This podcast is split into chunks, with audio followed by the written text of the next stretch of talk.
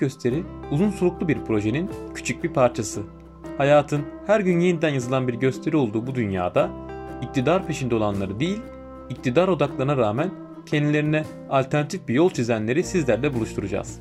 Bu yolculuğumuza Rasim Özgür Dönmez ile birlikte birbirinden değerli ve farklı konuklarımız bizlere eşlik edecek.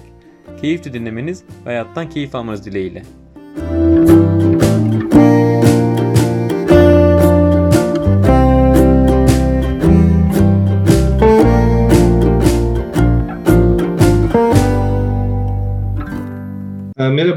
Rasim Özgür Dönmez. Bugün konuğumuz e, Seda Sipayan'ın. Kendisi seramik üreticisi ve aynı zamanda da metin yazarı. İlginç bir hayat tasarımı var. Ee, biz e, kendisini Instagram'da büyük bir keyifle izliyorduk ve bu hayat tasarımı için kendisiyle e, görüştük sağ olsun bizi kırmadı, kabul etti ve onun ilginç hayatını ve hayat tasarımını sizinle tanıştırmak, size anlatmak adına bugün programa davet ettim. Seda Hanım hoş geldiniz. Merhabalar, hoş buldum. Ee, biraz kendinizden bahseder misiniz? Tabii. Orta sınıf bir Adanalı ailenin küçük kızıyım. 30 yaşındayım. Bir tane ablam var. Ee, Marmara Üniversitesi'nde çalışma ekonomisi bölümünü okudum. Üniversiteye kadar Adana'daydım. Üniversiteye geldikten sonra farklı eğitimler aldım ve e, farklı alanlarda çalışma tecrübeleri edindim. Şu anda hem metin yazarlığı yapıyorum, bir yandan da küçük bir seramik atölyem var. Orada seramik üreticiliği yapıyorum. Evliyim, e, iki tane kedim var. Şimdi şeyi sormak istiyorum. Siz e, lise yıllarınızda, ortaokul yıllarınızda e, hayalleriniz mesleğinizle ilgili neydi? Yani ne olmak istiyordunuz? E, benim çocukluğumda, ortaokul hayatımda, lise hayatımda isteğim astronot olmakta aslında. Ee, biraz klasik ama kendimi pek bu dünyaya ait hissetmiyordum. Ötekileştirilmiş hissediyordum. Etrafımdaki insanlardan çok farklı şeyler düşünüp çok daha farklı şeyler istediğim için kendimde bir sorun olduğunu düşünüyordum. Ee, bu sebeple de uzaya gitmeyi çok arzuluyordum. Beni bu kendi küçük dünyamda motive eden tek şey bir şeyler yazmak ve çizmekti. Ee, hiçbir zaman dışarıda çocuklarla top oynayan bir çocuk olmadım ben. Evde bir bilgisayarım vardı. Oradan Paint'ten bir şeyleri kesip biçip renklendirmeye çalışırdım. Daha sonra büyüyünce Photoshop öğrendim. Grafik tasarım eğitimi aldım. O yönümü böyle büyüttüm. Ee, küçük küçük hikayeler yazmayı severdim. Beni üzen, mutlu eden olayları not etmeyi çok severdim. Sonra büyüyünce bunu mesleğim haline getirip metin yazarlığı yapmaya başladım. Aslında küçükken beni başkalarından farklı, öteki hissettiren her şeyi büyüyünce sahiplenip hayatımın çok önemli bir parçası haline getirdim. İçe dönük bir çocuk musunuz değil mi? Ben öyle anladım konuşmalardan. Evet, çok sessiz, çok kendi içine dönük. insanlar. Ya, yalnızlığı seven ve genelde de sıkılan birisiniz herhalde değil mi? Böyle sıkılmayı seviyorsunuz aslında. Ya aslında tam olarak öyle değil ama e, kendimi çok yalnız hissediyordum. Evet, çok farklı hissediyordum çünkü. Ee, ötekileştirmeye niye ötekileştirme dediniz? Bu içe dönüklüğünüzden dolayı tabii çocuklar daha dışa dönüktü galiba değil mi? O yüzden herhalde öyle bir ötekileştirme yaşadınız galiba. Evet, yani başka çocukların zevk aldığı şeylerden zevk almıyordum. Onların oynadığı oyunlardan mutluluk duymuyordum. Onların konuştukları şeyler beni rahatsız ediyordu kendimi kendi yaşıtlarımla, kendi akranlarımla bir göremiyordum ve o yaşlarda özellikle etrafınızdaki herkesten farklı olduğunuzu düşünüyorsanız kendinizde bir sorun arıyorsunuz. Benim sorunum ne? Neden böyleyim diye düşünüyorsunuz. Böyle oldukça da insan içine kapanıyor. O dönemlerde de aslında kitaplara sarılıyor. O dönem elime geçen tüm kitapları okudum ben. Spesifik olarak beğendiğim yazar yoktu. Ama ufkumu açacak her türlü yayını okudum o dönemlerde. Sonra siz üniversiteye e, girdiniz. Marmara Üniversitesi Çalışma Ekonomisi bölümü değil mi? Evet doğrudur. Bu biraz o hikayenizin diyelim. Girdiniz, e, ne yaptınız orada? Mutlu mu muydunuz? Hayallerinizde bir değişiklik oldu mu? O dönemler içerisinde e, bu lisedeki ve ortaokuldaki o perspektifiniz ve diğer insanlarla olan perspektifi değişti mi? Onu merak ediyorum. Şimdi Adana'dan İstanbul'a gelmek tabii ki hayatımın en büyük dönüm noktasıydı benim için. Çünkü e, kendi küçük arkadaş çevresi olan ve hayatı ev, okul, dershane üçgeninden oluşan bir e, çocuğun artık bir genç kadın olmaya adım atmasıydı İstanbul'a gelmesi. Yani hayatı ben 18 yaşında başladım gibi hissediyorum.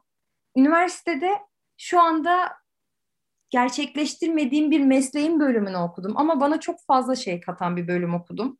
Çünkü hem Türkiye hem dünya siyasi, sosyal tarihi hakkında çok fazla şey öğrendim ve benim birçok şeyi yeniden düşünmem gerektiğini algıladığım bir dönemde. Ve herkesin farklı olduğu bir şehirdeydim.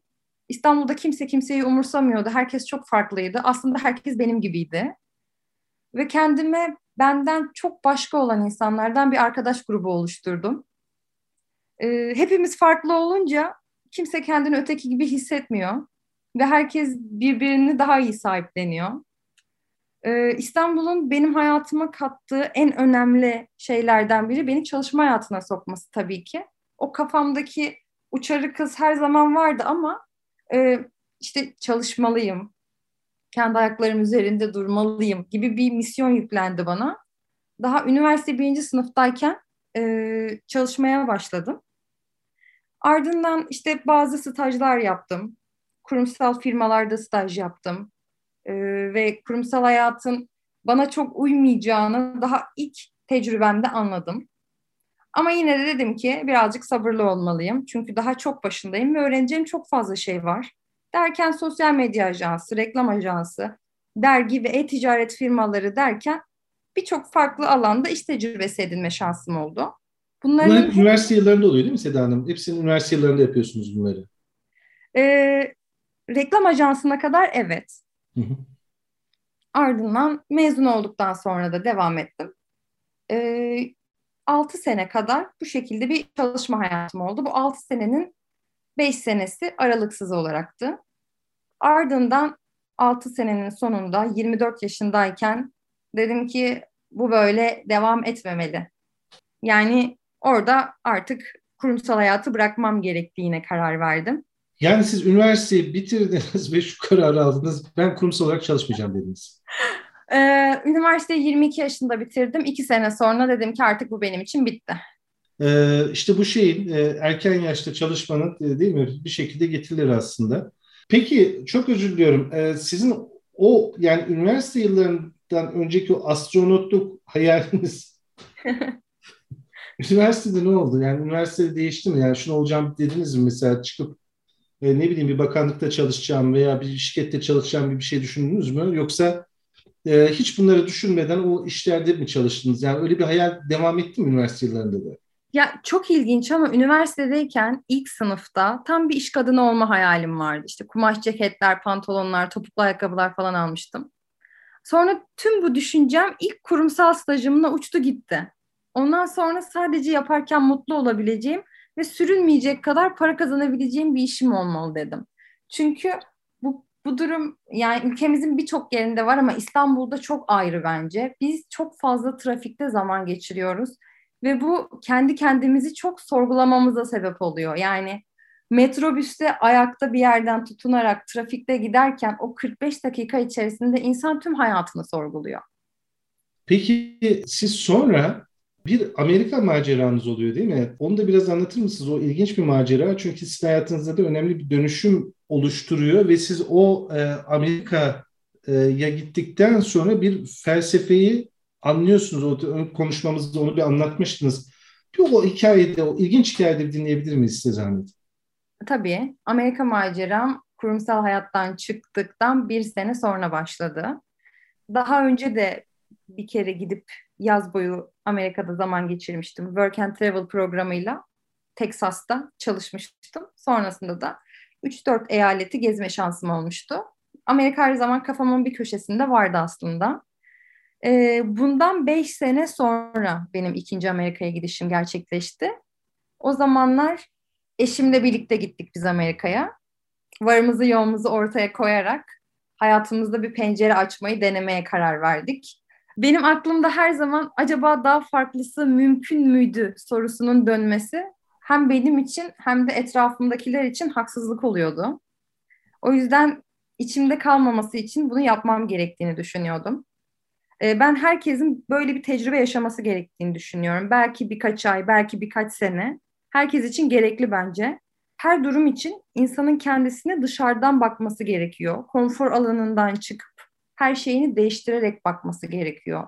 Güvenli evinden, güvenli işinden, her sabah geçtiği yollardan, kahvaltı düzeninden, seçtiği ürünlerin markalarından her şeyi değiştirerek kendine bambaşka bir insan gibi dışarıdan bakarak yorumlaması gerekiyor. Amerika bana bunu kattı.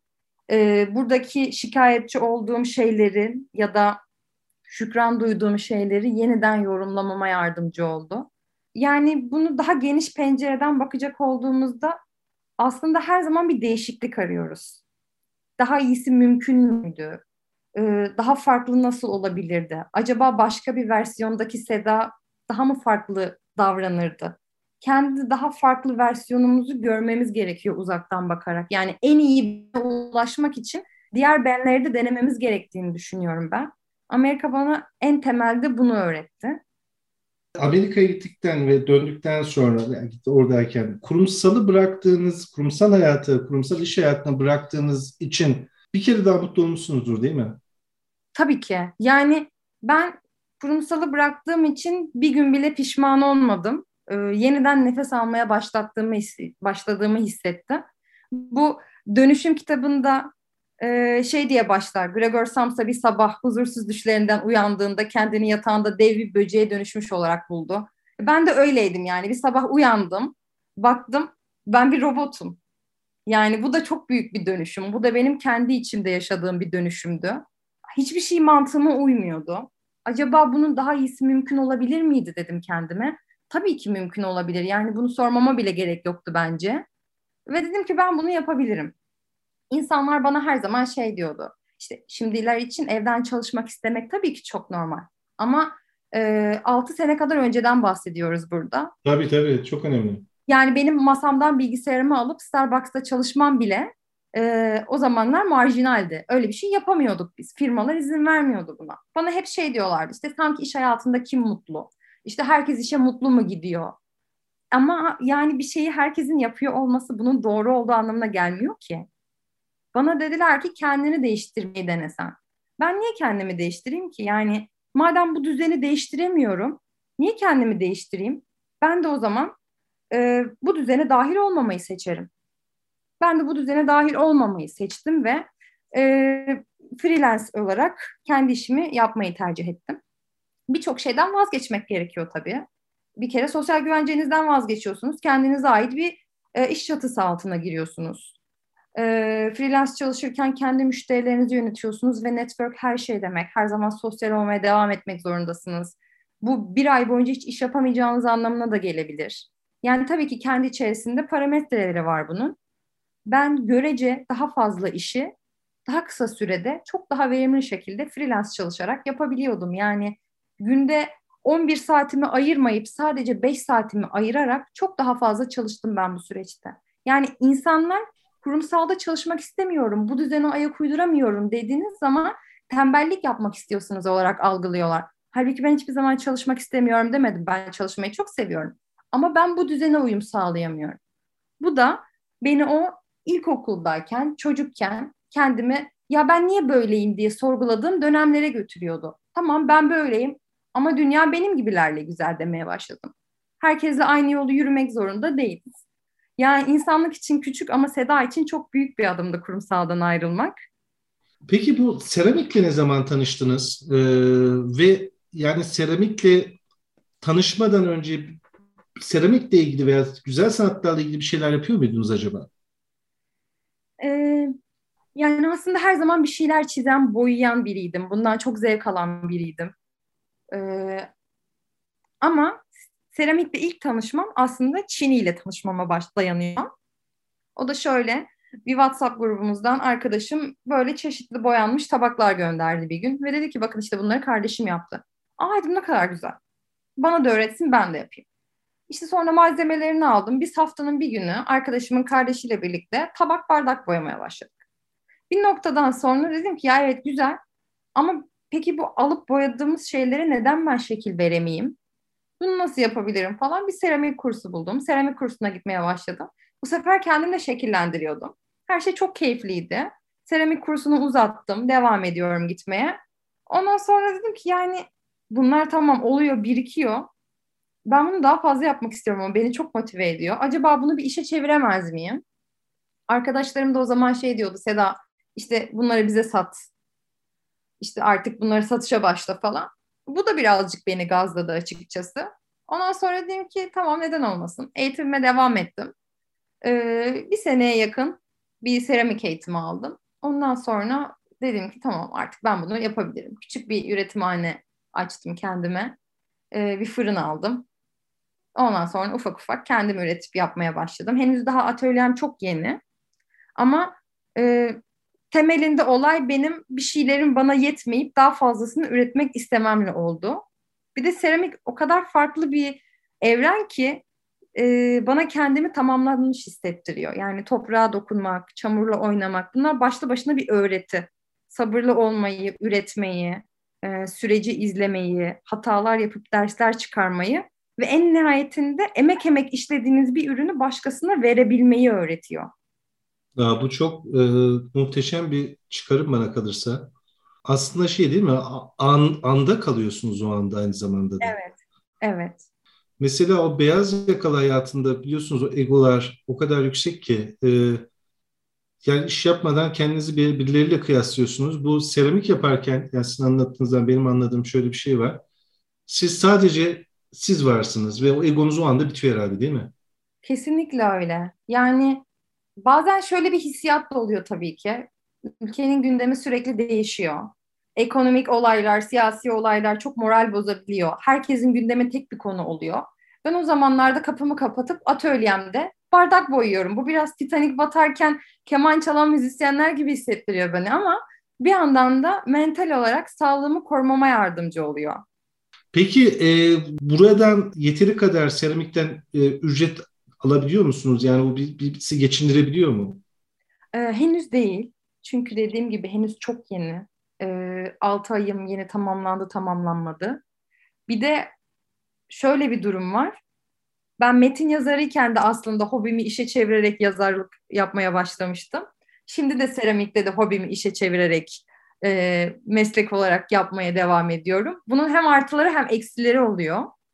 Artıları hobinizi masrafını çıkarmış oluyorsunuz. Ama eksileri de yaparken çok e, mutlu olduğunuz bir şeyi belli siparişler ve deadline'larla kısıtlamış oluyorsunuz. Bunun ayrımına varabilmek de çok önemli bu arada. Bu bambaşka bir konu. Ben başladıktan sonra çamurundan kartonuna, boyasından sırına ne yazık ki her şey aşırı zamlandı. Yani benim almış olduğum bir çamur şu an yüzde elli fiyatta daha fazlasına satılıyor. Ya da almış olduğum bir paketleme malzemesi standart bir kutu 5 lirayken artık 13 liraya çıkmış durumda. Yani masrafı çok fazla. Kendini çıkarabilmesi bu yüzden birazcık zorlaşıyor her geçen gün. Üzerine çok fazla bir emek, bir işçilik koymadan biz bunları satmak durumunda kalıyoruz. Çünkü karşı taraftaki alıcıların da belli bir bütçesi var. Yani bir tabak için, bir bardak için daha fazlasını vermek istemiyorlar. Orada arka planda üstlenilen e, maliyetin ya da geçen sürenin, sizin verdiğiniz emeğin e, değerini tam olarak anlayamıyorlar yani haliyle işin içinde olmadıkları için. Şu kadarını söyleyebilirim. Ben bu işe başladığımdan bu yana sadece elektrik bile yüzde 127 zamlandı. Bu da benim fırınlama masrafımın e, birden yüzde 127 zamlanması haline geliyor. Ben bir şey daha merak ediyorum. Mesela son zamanlarda e, bu herkes bu seramikle ilgilenmeye başladı. Evet. E, acayip bir yoga akımı var. Herkes yoga yapıyor. Mesela seramik yapıyor. Ha, iyi şöyle söyleyeyim siz bu işi çok iyi yapanlardan birisiniz. Ama e, herkes bir şekilde bu işe girmek istiyor. Yani bir, bir moda, bir trend haline geliyor bu. Niye bu son dönemlerde bu bir trend haline geldi sizce? Ya bir keresinde trend haline gelmesinde önemli unsurlardan biri influencerların bunu çok fazla ön plana çıkarması. Hı hı. Ee, bazı oyuncular bile atölyeler açtılar kendilerine.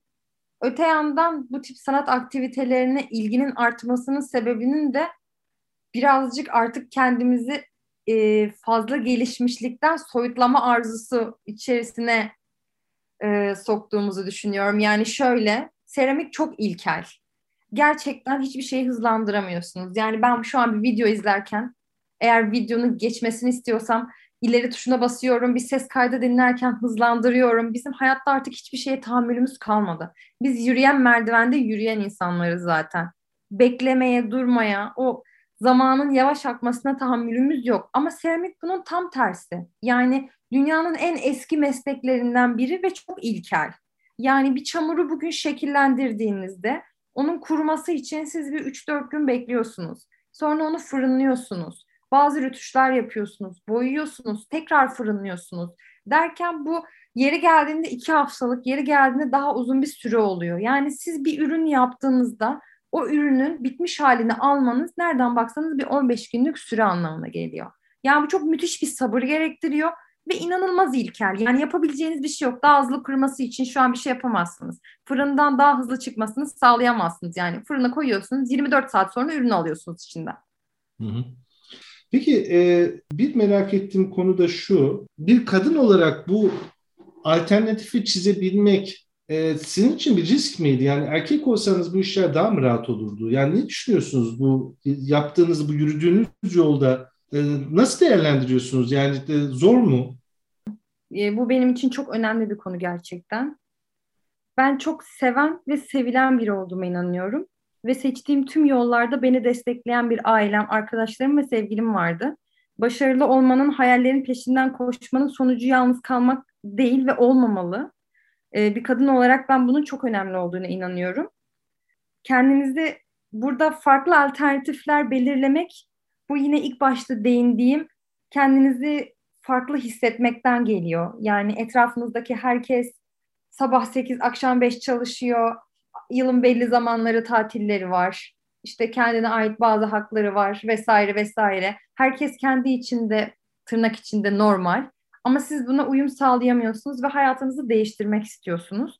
Kendinizi etrafınızdaki herkesten farklı hissetmek yalnız kalacağınız anlamına gelmiyor. Ben arzuladığım her şeye yanımda sevdiklerim varken eriştim. Ee, eşim yanımda sonsuz desteğiyle bulundu. Ee, ailem her zaman bana ne yaparsan yap arkandayız dedi. Ve öyle çok aşırı zengin, varlıklı bir ailenin çocuğu değilim. Yani tamam çalışmasam da olur denmedi. Her zaman çalışmam gerektiğini düşündüm. Yani kadın veya erkek hiçbir bireyin hayatta yalnız başına mücadele etmemesi gerektiğine inanıyorum ben. Yardım almak, destek görmek bizi güçsüz kılmıyor. Yani yine kendi ayaklarımızın üzerinde durabiliriz. Hayallerimizin peşinden koşabiliriz. Kendimize zaman ayırabiliriz. Benim bunu rahat yapabilme sebebim arkamda koşulsuz bir sevgi desteğinin olduğunu her zaman hissetmem oldu. Evet, çok çok çok önemli. Peki bundan sonraki hayalleriniz nedir? Herhalde seramik yolunda yürüyeceksiniz. Evet. Ee, ba- başka var mı fikirleriniz? Her ee, zaman. E, biraz onlardan bahsedelim mi? Tabii. E, bu Simyacı kitabında bir cümle vardır ben çok severim. Bütün günler birbirine benzediği zaman insanlar karşılarına çıkan iyi şeylerin farkına varmaz olurlar diyor. E, ben de her günün birbirinin aynısı olmaması gerektiğine inanıyorum. Her zaman gelişmeli Atölyemi büyütmeyi çok istiyorum mesela. Atölyemle ilgili çok hevesim, çok hayalim var. Ee, tabii ticari beklentilerim de var bu noktada. Ama çeşitli etkinliklerin yapıldığı sosyal bir ortam oluşturmak istiyorum. İnsanların haftada birkaç saatte olsa çıkıp kendilerini dünyalarından soyutladıkları, kendilerini yeniden tanımlayabildikleri bir yer yapmak istiyorum. Çünkü yeniden kendimizi tanımlıyoruz. Mesela ben şu an 30 yaşındaki Seda'yım ve 25 yaşındaki Seda'dan çok daha farklıyım. Her yıl kendimi yeniden keşfediyorum. Ve ben insanların kendilerini keşfederken bunun sanat yardımıyla yapmalarını, benim de atölyemde onlara bir yer açmayı istiyorum. Çok çok güzel. Vallahi müthiş bir hayal olduğunu düşünüyorum. Metin yazarlığına devam edeceksiniz herhalde. O da sizin bir parçanız gibi geldi bana. Yani ben yazı yazmayı bıraksam da yazı yazmak beni bırakmazmış gibime geliyor. Ee, bir noktadan sonra e, metin yazarlığına uzun süreli bir ara vermem gerekebilir. E, seramik işlerinin yoğunluğuna göre değişecek bu. Ama o noktada da yine kendim için yazmaya devam edeceğim. Yani blogumda bu işi yapmak isteyenlere e, yol göstermek isteyeceğim. Çünkü ben her şeyin paylaşılması gerektiğine inanıyorum. E, güçlü yanlarımızın da güçsüz yanlarımızın da paylaşılması gerektiğine inanıyorum. Ben çok düştüm, çok tökezledim, çok başarısız oldum. ben bu yolda yürüyorum ama sürekli farklı yollara savrularak yürüyorum. Hani herhangi bir şeyi nihayete ulaştırıp ya evet bu benim en büyük başarım diyebileceğim tek şey e, her zaman kalbimin istediğini yapmaya çalışıp e, insanların dayatmalarına boyun eğmemek oldu. Seda Hanım bu e, şöyle söyleyeyim e, programdan önce de söyledim siz bana kalırsa çok başarılı birisiniz. Teşekkür ederim. E, bizim programımızdaki insanların genel özellikleri de genelden çok daha farklı bir bakış açılarının olması e, ve bu yolu tercih edip bunda da başarılı veya başarısız olmasalar dahi bunu gören insanlar, farkındalığı fazla olan insanların olması. Siz birçok kişinin, bunu başaran birçok kişinin e, bunu 40'lı 50'li yaşlarda e, yaparken, yani başarırken siz bunu 30'lu yaşlarınızda başarmışsınız. Bu büyük bir başarı. Çok da ben e, bu yolda çok da daha derinleşeceğinizi ve yürüyeceğinizi canı gönülde inanıyorum. Yani çünkü o her şey farkındalıkla başlıyor onu söyleyeyim. O site var zaten ve siz bunu bir şekilde de yoluna koymuşsunuz. Teşekkür ederim. Yani ben her zaman şunu söylüyorum. Ben çok istekliyim, çok hevesliyim, heyecanlıyım. Hayallerime çok inanıyorum, kendime çok inanıyorum. Ee, buna inanıyorum yani. Hayallerimin gerçek olacağına, en en uç hayallerimin bile bir gün gerçekleşebileceğine inanıyorum. Ee, mesela eşim her zaman şey diyorum hani benim bir çocukken yapmak istediklerim listem vardı. Tek tek çizik atıyordum kenarına. Onlardan biri de Satürn'ün etrafında koşmaktı. Ee, bir tek o kaldı şu an yapmak istediklerimin arasında yapmadığım. Ve inanır mısınız ben gerçekten Satürn'ün etrafında koşacağıma inanıyorum yani. İnandığınız sürece o Satürn'ün çevresinde de koşacağınızı ben canı gönülden inanıyorum. Çok teşekkür ediyorum bu arada programımıza katıldığınız için. Ben teşekkür ederim.